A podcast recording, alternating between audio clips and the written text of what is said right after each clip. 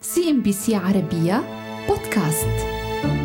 يرتبط إلى حد كبير اسم أمريكا بالحديث عن الاحتياطيات الاستراتيجية للنفط بسبب أسبقية ذلك البلد بإنشاء مفهوم التحوط ضد أزمات نقص الإمدادات في الفترة التي كانت فيها أمريكا تتصدر قائمة أكبر مستوردي النفط في العالم. وتتولى وزارة الطاقة الأمريكية إدارة تلك الاحتياطيات النفطية التي تعد أكبر إمدادات للطوارئ في العالم.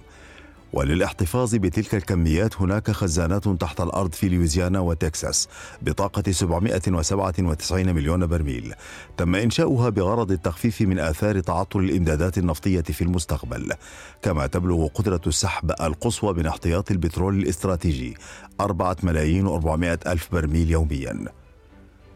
وبسبب إنشاء تلك المخزونات في الفترة التي كانت فيها أمريكا مستوردة صرفا فهي كانت تختلف عن استراتيجيات الدول المنتجة للنفط التي تكون احتياطياتها محتفظ بها في مكامنها دون الدخول إلى مرحلة الاستخراج وهي إما احتياطيات مؤكدة أو محتملة.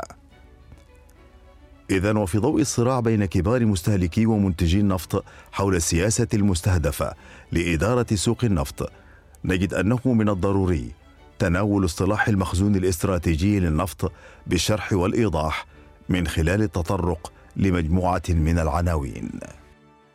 اولا ماذا يعني الاحتياط الاستراتيجي؟ الاحتياط الاستراتيجي يختلف من سلعة إلى أخرى حسب أهميتها وطبيعة استهلاكها في السوق المحليه يعني احتفاظ الدولة بكميات كبيرة تصل لتغطية احتياجات البلاد لفترة تتراوح ما بين شهر وثلاثة أشهر، بمعنى أنه كلما كانت هناك احتمالات لمواجهة صعوبات في الإمدادات أو انتظار تقلبات حادة في الأسعار، تلجأ الدول عالية الاستهلاك لمثل هذه الاحتياطيات وعادة ما تميل لزيادتها أو إنشاء المزيد منها في أوقات تدني الأسعار.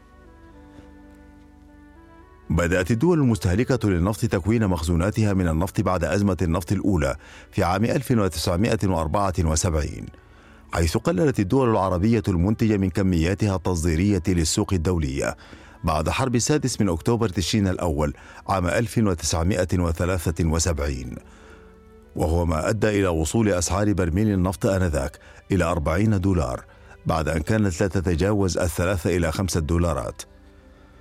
وعادة تلجأ الدول التي لديها مخزونات الاحتياط من النفط إلى استخدام جزء منها أو توظيف هذه المخزونات لفترة زمنية معينة في ظروف استثنائية مثل ارتفاع الأسعار في السوق الدولية للنفط بصورة قد تؤدي لإحداث تقلبات اقتصادية في أسواقها الداخلية ووصول معدلات التضخم لمعدلات تصعب السيطرة عليها أو ارتفاع معدلات استهلاك الطاقة بصورة مفاجئة لم يكن مخطط لها.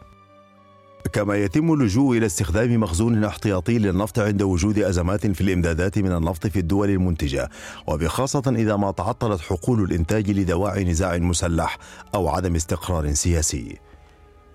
تشير بيانات التقرير الاقتصادي العربي الموحد لعام 2020 إلى أن إجمالي مخزونات الاحتياطيات الاستراتيجية قد بلغ مليار و800 مليون برميل في عام 2019 ولكن يلاحظ أن البيانات الخاصة برصيد المخزون الاستراتيجي من النفط قد تكون تقديرية ولا تعبر عن الكميات الحقيقية لما يعكسه الأمر من أهمية تتعلق بالأمن القومي لكل بلد.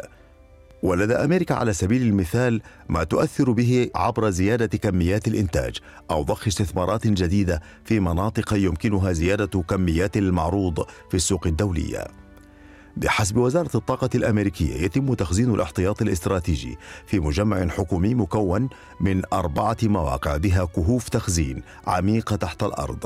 تم إنشاؤها في قباب الملح على طول سواحل خليج تكساس ولويزيانا. وتحتوي مكامن الاحتياطيات الأمريكية على مجموعه ستين كهفاً. ويمكن أن تستوعب تلك الكهوف ما بين ستة ملايين وسبعة وعشرين مليون برميل من النفط الخام. كما أنه يمكن ضخ ما يصل إلى أربعة ملايين وأربعمائة ألف برميل يوميا من الاحتياط الاستراتيجي. أما عملية دخول النفط من المخزون الاحتياطي إلى السوق الأمريكي يمكن أن يستغرق ثلاثة عشر يوما فقط من تاريخ صدور قرار رئاسي. وتكفي هذه الكمية لسد الطلب الأمريكي لفترة تزيد على الشهر. وتحتفظ الولايات المتحدة أيضا بكميات صغيرة من وقود التدفئة والبنزين في شمال شرق البلاد. ولاحقا لجأ بعض الرؤساء الأمريكيين إلى السحب من الاحتياط لتهدئة أسواق النفط خلال أوقات الحرب أو عند حدوث أعاصير تتسبب في تعطل البنية التحتية النفطية على امتداد الساحل الأمريكي على خليج المكسيك. بمقتضى القانون الأمريكي يمكن للرئيس أن يأمر ببيع كميات من الاحتياط الاستراتيجي إذا واجهت البلاد تعطلا في الإمدادات بما يهدد الاقتصاد. وسبق أن شاركت واشنطن في عمليات سحب منسقة من المخزون الاستراتيجي مع وكالة الطاقة الدولية التي تتخذ من باريس مقرا لها. CNBC عربية بودكاست.